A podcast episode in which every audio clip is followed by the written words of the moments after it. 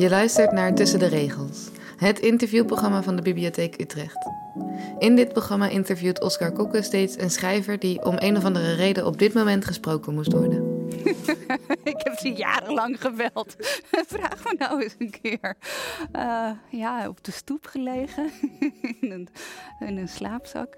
Deze keer Eva Meijer. Eva Meijer, welkom. Uh, schrijver, singer-songwriter en filosoof.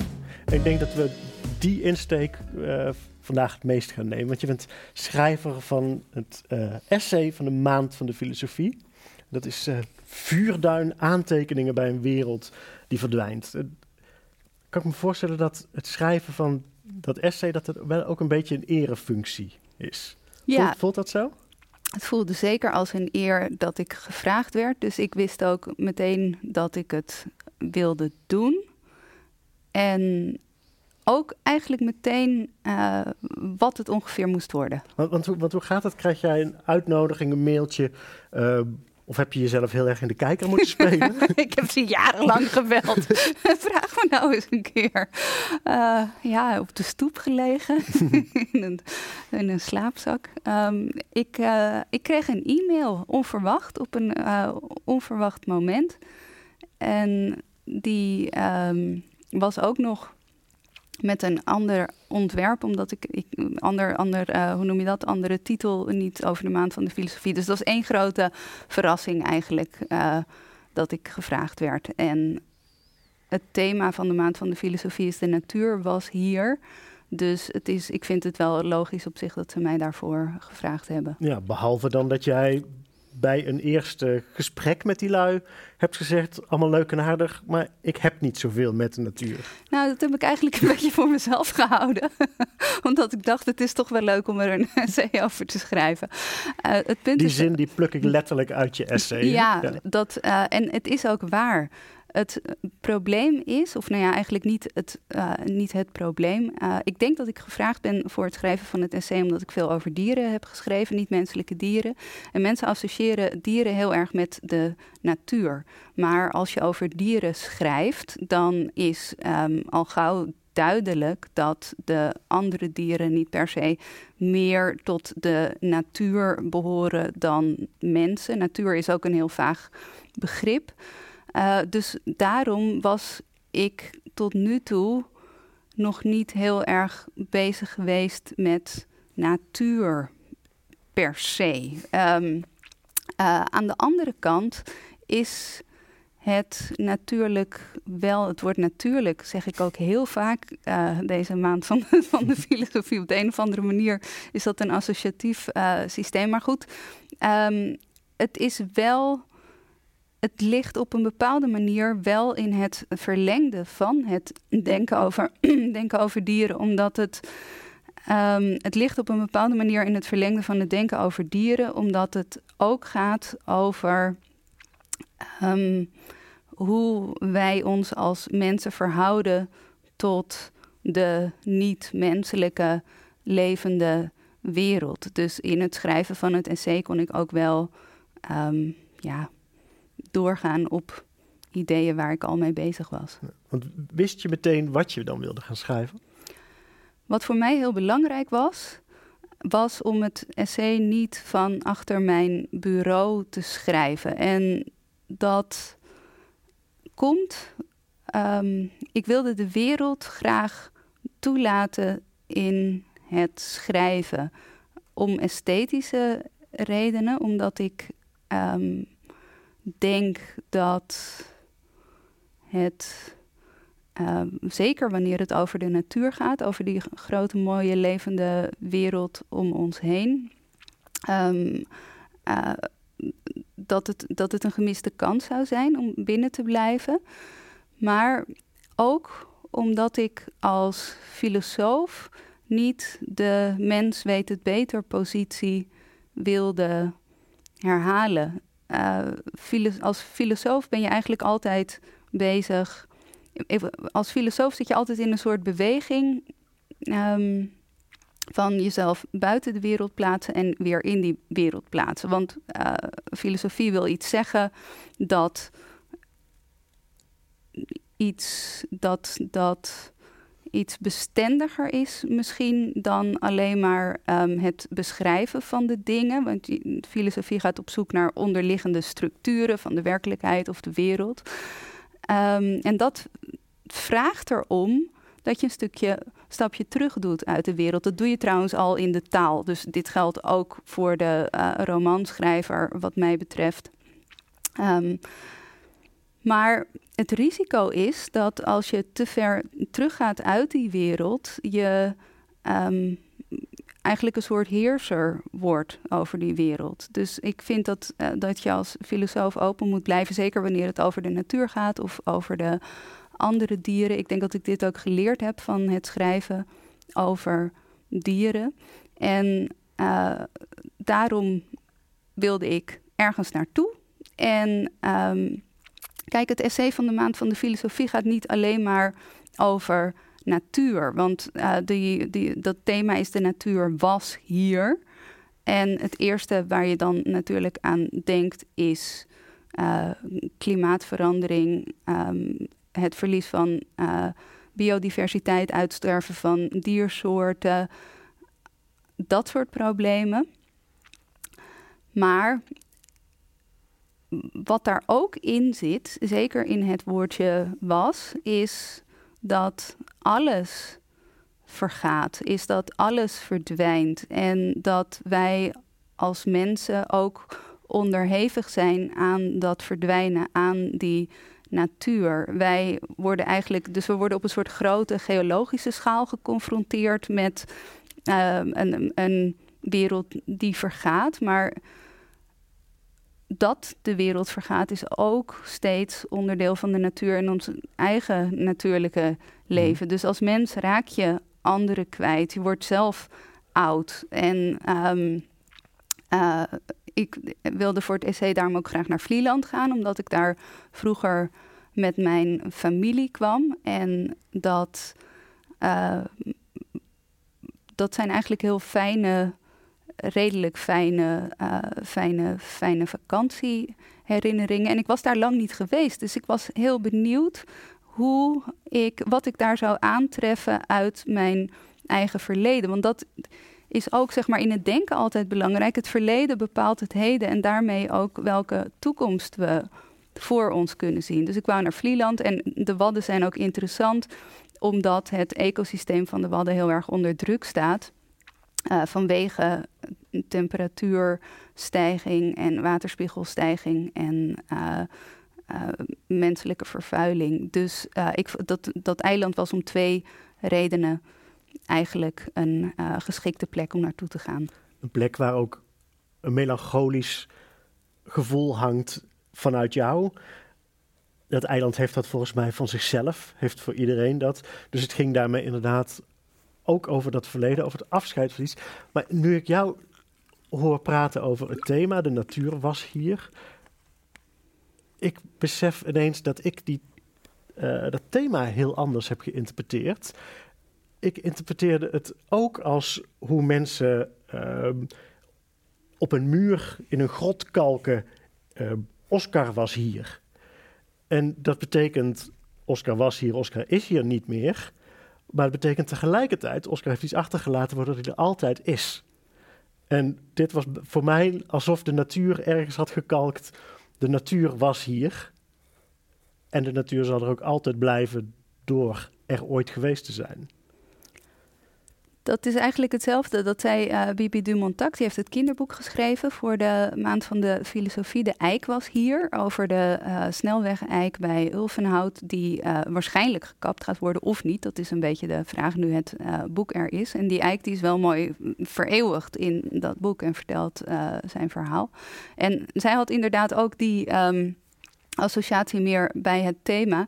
En dat is natuurlijk ook een van de dingen die, waar je heel snel tegenaan loopt wanneer je schrijft over de natuur. Want die natuur is geen uh, stille, zwijgende, ontvangende omgeving um, waar wij als mensen, als actieve figuren uh, doorheen lopen, maar heel veel van de zaken die wij tot natuur rekenen, zoals bomen of zeeën of uh, het weer voor mijn part, heeft actorschap, handelt op een bepaalde manier, beïnvloedt en vormt ons ook. Corona is ook natuur en uh, een, iets wat ons als materie heel sterk vormt en, en, en in een bepaalde richting duwt. En heel vaak zijn dat soort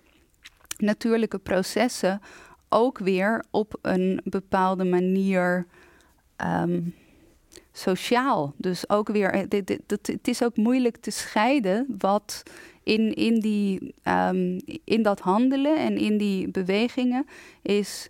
Uh, ik bedoel, menselijk handelen is, is verbonden met wat we dan de natuur noemen. Maar andersom uh, beïnvloedt die natuur ons eigenlijk ook weer de hele tijd. Dus heel veel van die processen die kun je beschouwen als natuur, maar ook als sociaal. En dat is, um, uh, dat, dat is wel interessant. En voor de filosoof, kijk, we praten heel makkelijk over natuur. Het is net alsof we precies weten waar we het over hebben als we het over de natuur hebben. Maar als je erover na gaat denken, dan blijkt eigenlijk dat dat helemaal niet zo'n vaststaand uh, begrip is. En, dat is ook eigenlijk je grootste ergernis als je zegt: Ik heb niks met natuur, want waar hebben we het dan precies over? Ja, waar hebben we het over? En dat is, dus dat is één deel van het, uh, van het project in Vuurduin, is, is kritisch bekijken van wat wij nu als natuur beschouwen, omdat wat we als natuur beschouwen heel sterk verbonden is met hoe we handelen. Uh, zeker als je een soort, als je als mens een beetje als heerser ziet of als baas over de natuur,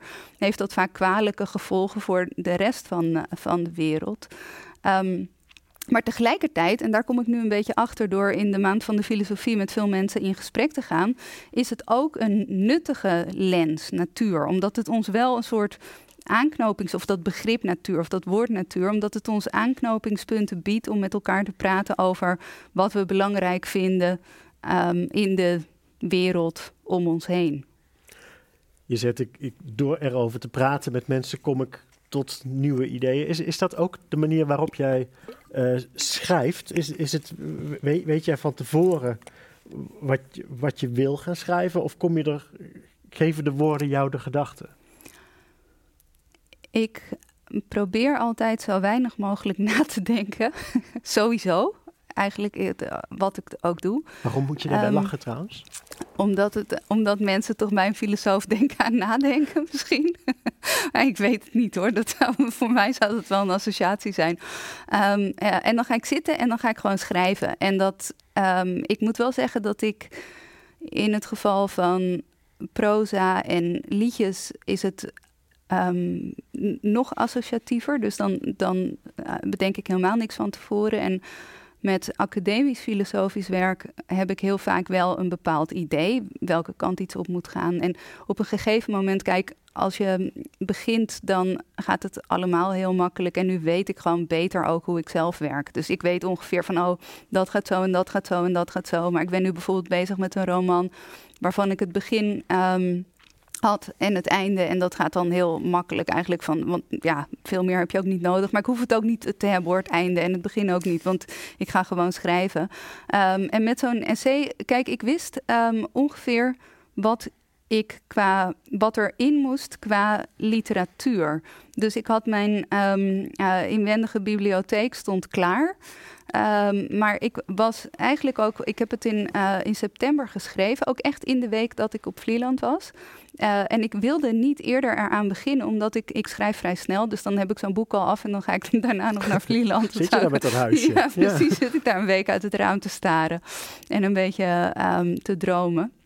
Um, en ik, ik, ik wilde dat het, um, uh, dat het de vorm zou krijgen, krijgen van de wandelingen die ik maakte met Doris. Doris was mee, dat is een hond. En uh, zij uh, ja, dacht op haar manier ook een beetje na over de uh, vragen waar we het over hadden. In elk geval, ik bedoel met nadenken niet dat we met elkaar spraken, maar wel dat zij het eiland ook op een bepaalde manier ervaart. En door met iemand anders op reis te zijn, dat kun je met mensen hebben, maar ook met andere dieren, um, uh, kun je de omgeving ook zien door de je ogen van de ogen. ander. Precies. Ja.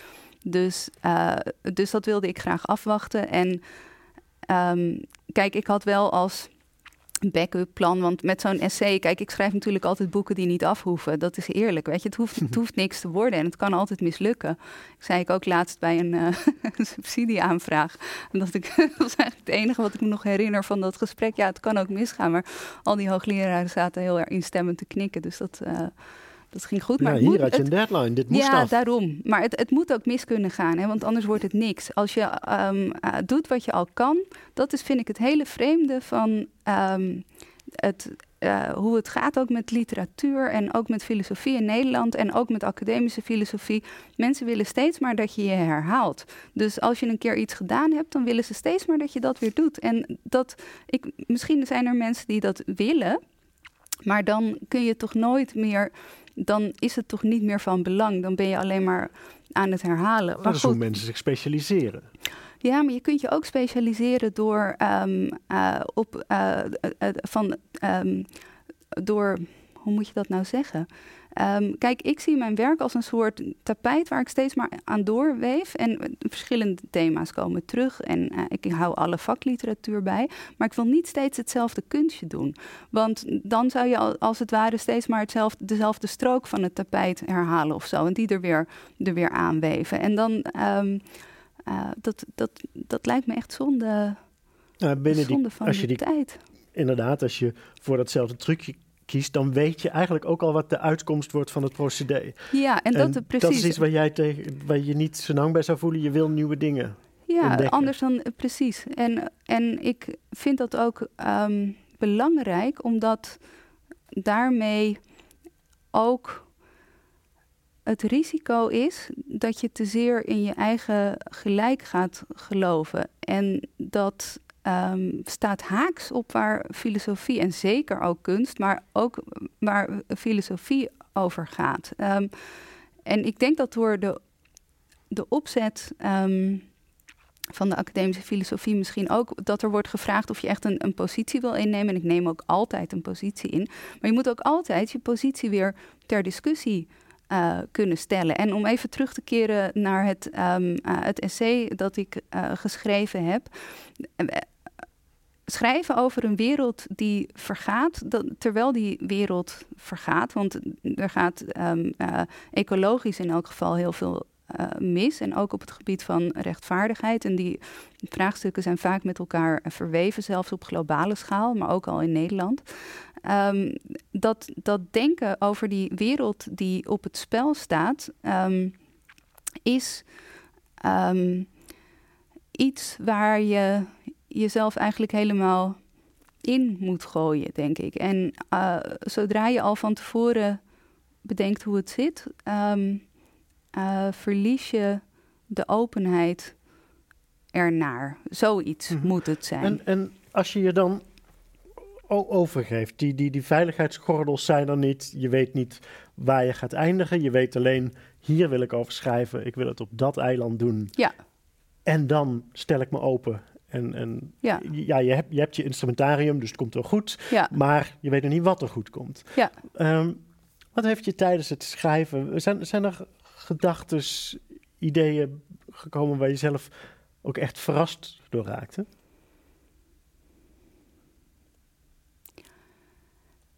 Nou, wat eigenlijk wel leuk was.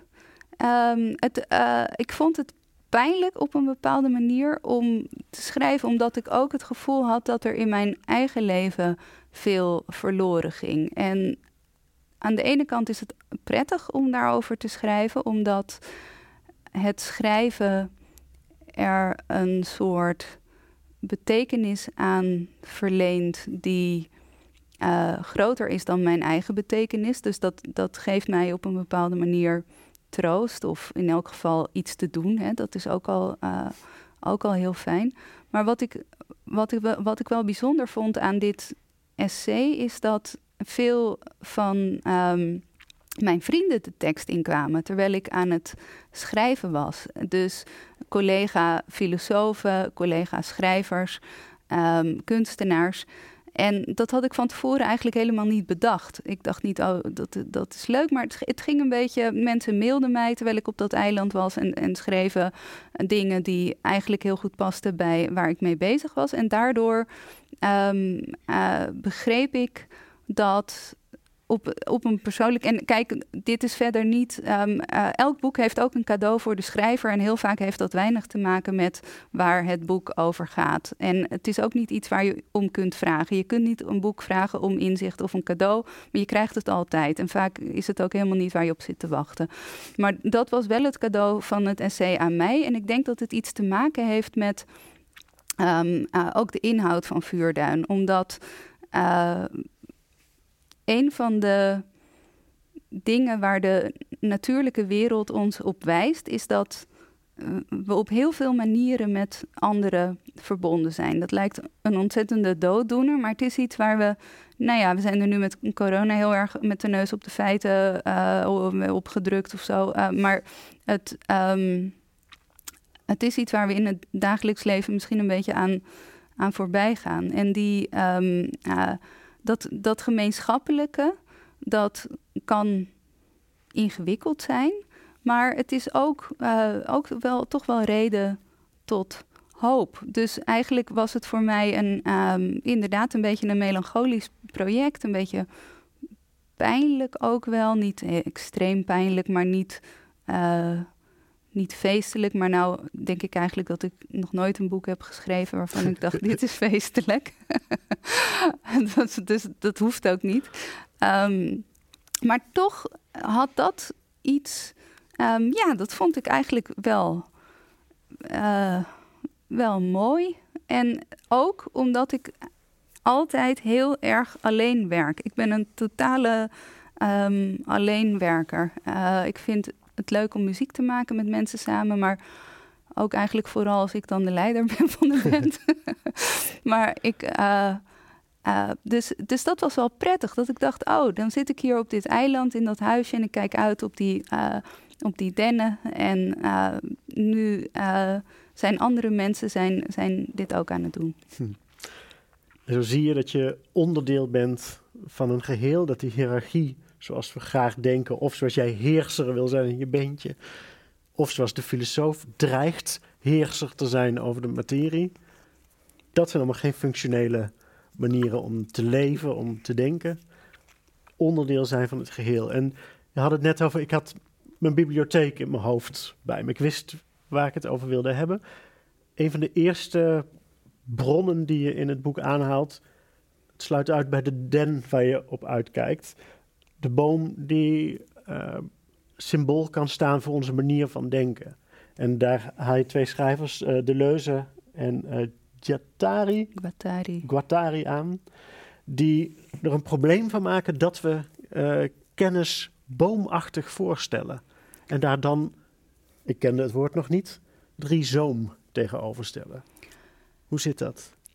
Ik denk dat dat eigenlijk op een bepaalde manier een leesaanwijzing is uh, voor het essay. Uh, er, er, um, in de filosofie wordt vaak gezocht naar een soort ultieme definitie van begrip. Je bent eigenlijk als filosoof steeds maar begrippen aan het afbakenen. Iedereen doet het. Zelfs de filosofie, wat filosofie is, wordt door elke filosoof weer een beetje anders afgebakend. Vreselijke lui zijn het, het is niet te doen. Uh, echt, uh, maar goed, die, um, uh, die opvatting van kennis verwerven als iets waar je, dus, dus kennis als een soort vast object, waar je ook nog op een vaste manier naartoe kan, uh, wordt door heel veel andere filosofen weer geproblematiseerd. Ook bijvoorbeeld door Wittgenstein, die doet dat in de taal, waar ik dan later op terugkom.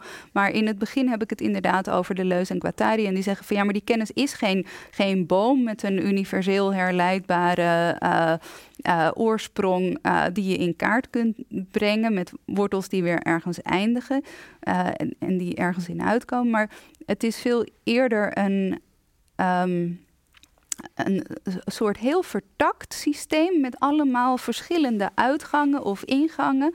En als je wil nadenken over hoe de wereld in elkaar zit, moet je dus eigenlijk nieuwsgierig zijn en um, op verschillende en, en, en, en een fenomeen op verschillende uh, manieren benaderen. En dat past mooi bij de vorm van het essay. Want Vuurduin is geen pamflet.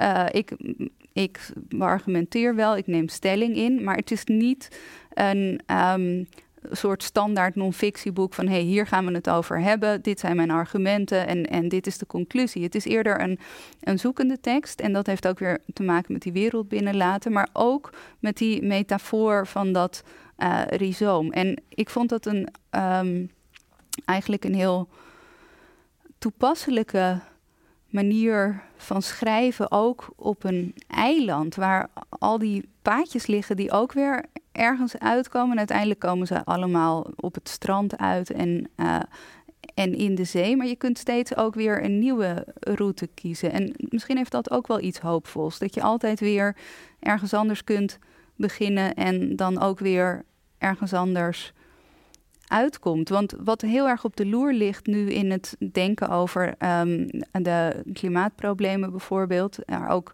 relaties tot andere dieren en andere problemen, is toch een soort doemdenken. Dat de schaal van um, wat er misgaat zo verschrikkelijk groot is dat we er niks aan kunnen doen. En uh, de problemen zijn ook heel reëel. En dat is ook een soort paradox, want je wil, mensen, je wil dat mensen doordrongen zijn van wat er op het spel staat.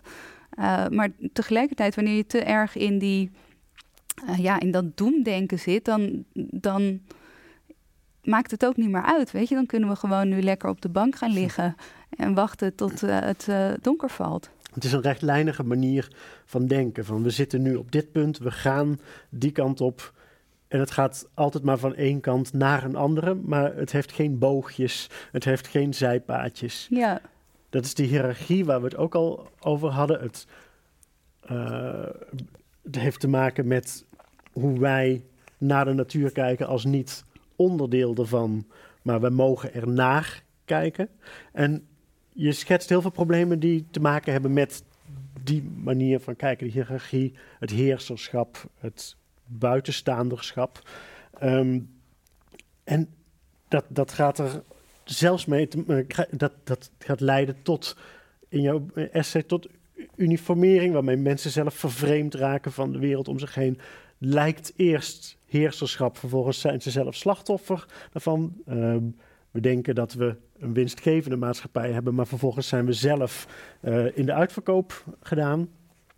En al deze problemen worden gesignaleerd, opgesomd, krijgen wel een hiërarchie en een stapeling. Eentje waar ik niet ga doemdenken dat het onoplosbaar is. Ik ga niet uh, dan maar op de bank liggen en niks doen. Ik zie dat er hoop is en dat noem jij ook. Um, de oplossing zou zitten, we moeten onszelf als deel van het geheel denken. Dat, dat is waar het hele essay naartoe werkt, wat er de hele tijd omheen hangt.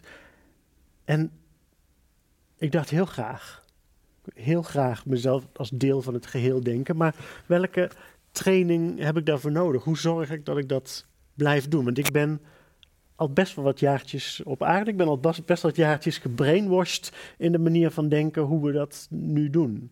Hoe, hoe kom je daar los van? Hoe lukt het ons? Lukt dat ons? Nou ja, dit zijn van die vragen waarbij we eigenlijk heel um,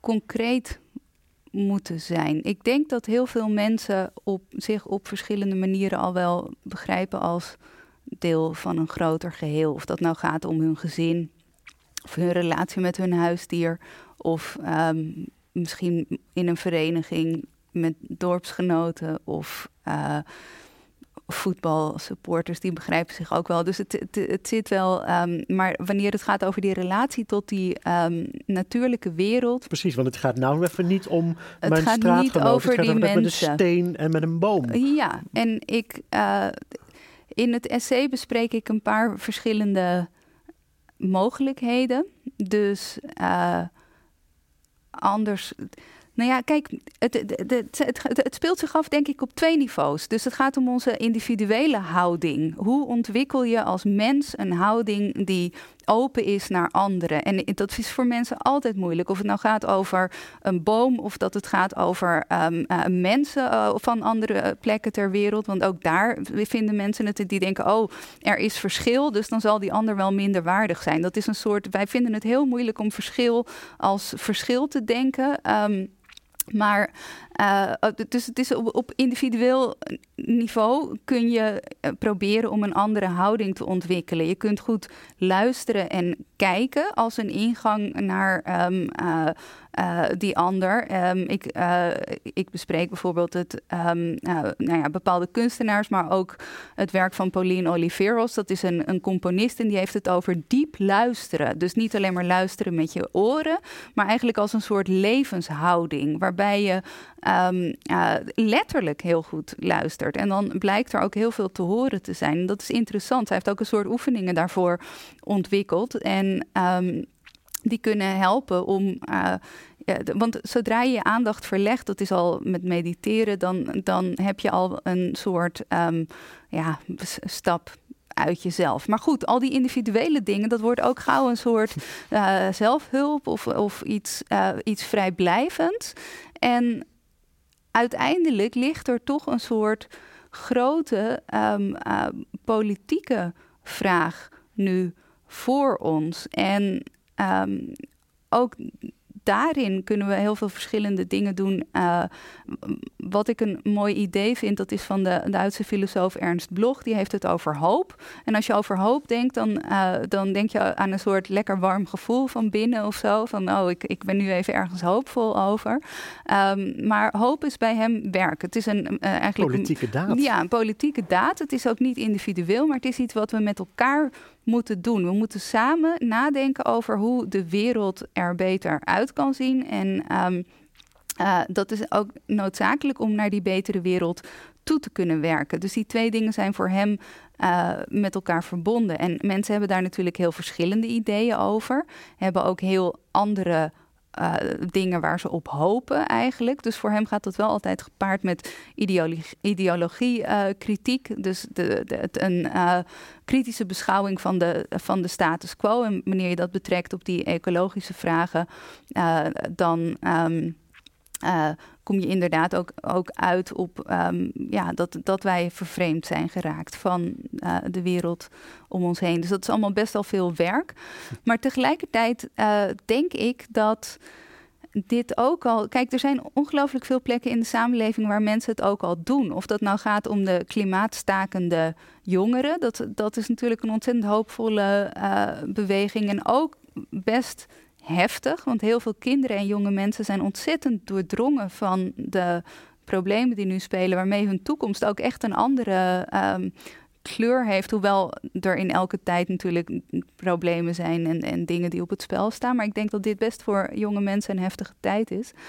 Um, maar het kan ook weer um, in het klein. Ik ben een paddenwerkgroep begonnen in het dorp waar ik woon. En uh, dat uh, is een heel interessant project. Omdat, uh, nou ja, ten eerste zie ik de vrijwilligers uh, veranderen. Want de eerste paar dagen weten ze niet zo goed. Hoe moet je zo'n ja, Jij helpt daar nou... padden oversteken, ja. veilig naar hun plekje komen. Dat ze ja. niet platgereden worden over de weg. Ja, de, die komen, de, de paddenkikkers en salamanders komen in uh, februari en maart uit hun winterslaap. En dan zijn ze nog heel traag. Uh, dat doen ze als het de temperatuur wat warmer is en als het vochtig is. In het eerste jaar dat ik in het dorp woonde, werden ze allemaal doodgereden. Dus ik ben als een gek die weg opgegaan, beestjes overzetten. Maar dit jaar dacht ik, dat moet anders. Dat moeten we uh, structureel... Precies. dus ik heb uh, um, interviews gegeven aan de lokale media. Groot succes, 14 vrijwilligers. En um, kinderen ook, die heel goed, goed meehielpen. Maar het interessante is dat um, er ineens bewustzijn kwam uh, in het dorp. En heel veel mensen die zetten zich dus blijkbaar al in voor die padden en kikkers. Maar die deden dat een beetje privé. En nu ontstond er een soort gesprek over. En het mooie is dat mensen gaan anders kijken en anders opletten. En kijk, die beesten die woonden er al lang al voordat ik er kwam wonen. Ik ben daar te gast, dat is hun wereld. Dat is hun leven. Generaties en generaties gaan ze van die binnentuinen naar die vijvers en weer terug. En dat um, door daar de aandacht op te vestigen, uh, verandert er wat. En misschien als we dit, want we gaan het volgend jaar weer doen, en misschien wordt dat wel iets structureels. We gaan op, op scholen gaan we gastlessen geven. Weet je wel, dus dat. En dat. Um, dat is niet, natuurlijk niet groot genoeg, want voor die klimaatverandering moeten we ook gewoon uh, de uh, politieke actie hebben.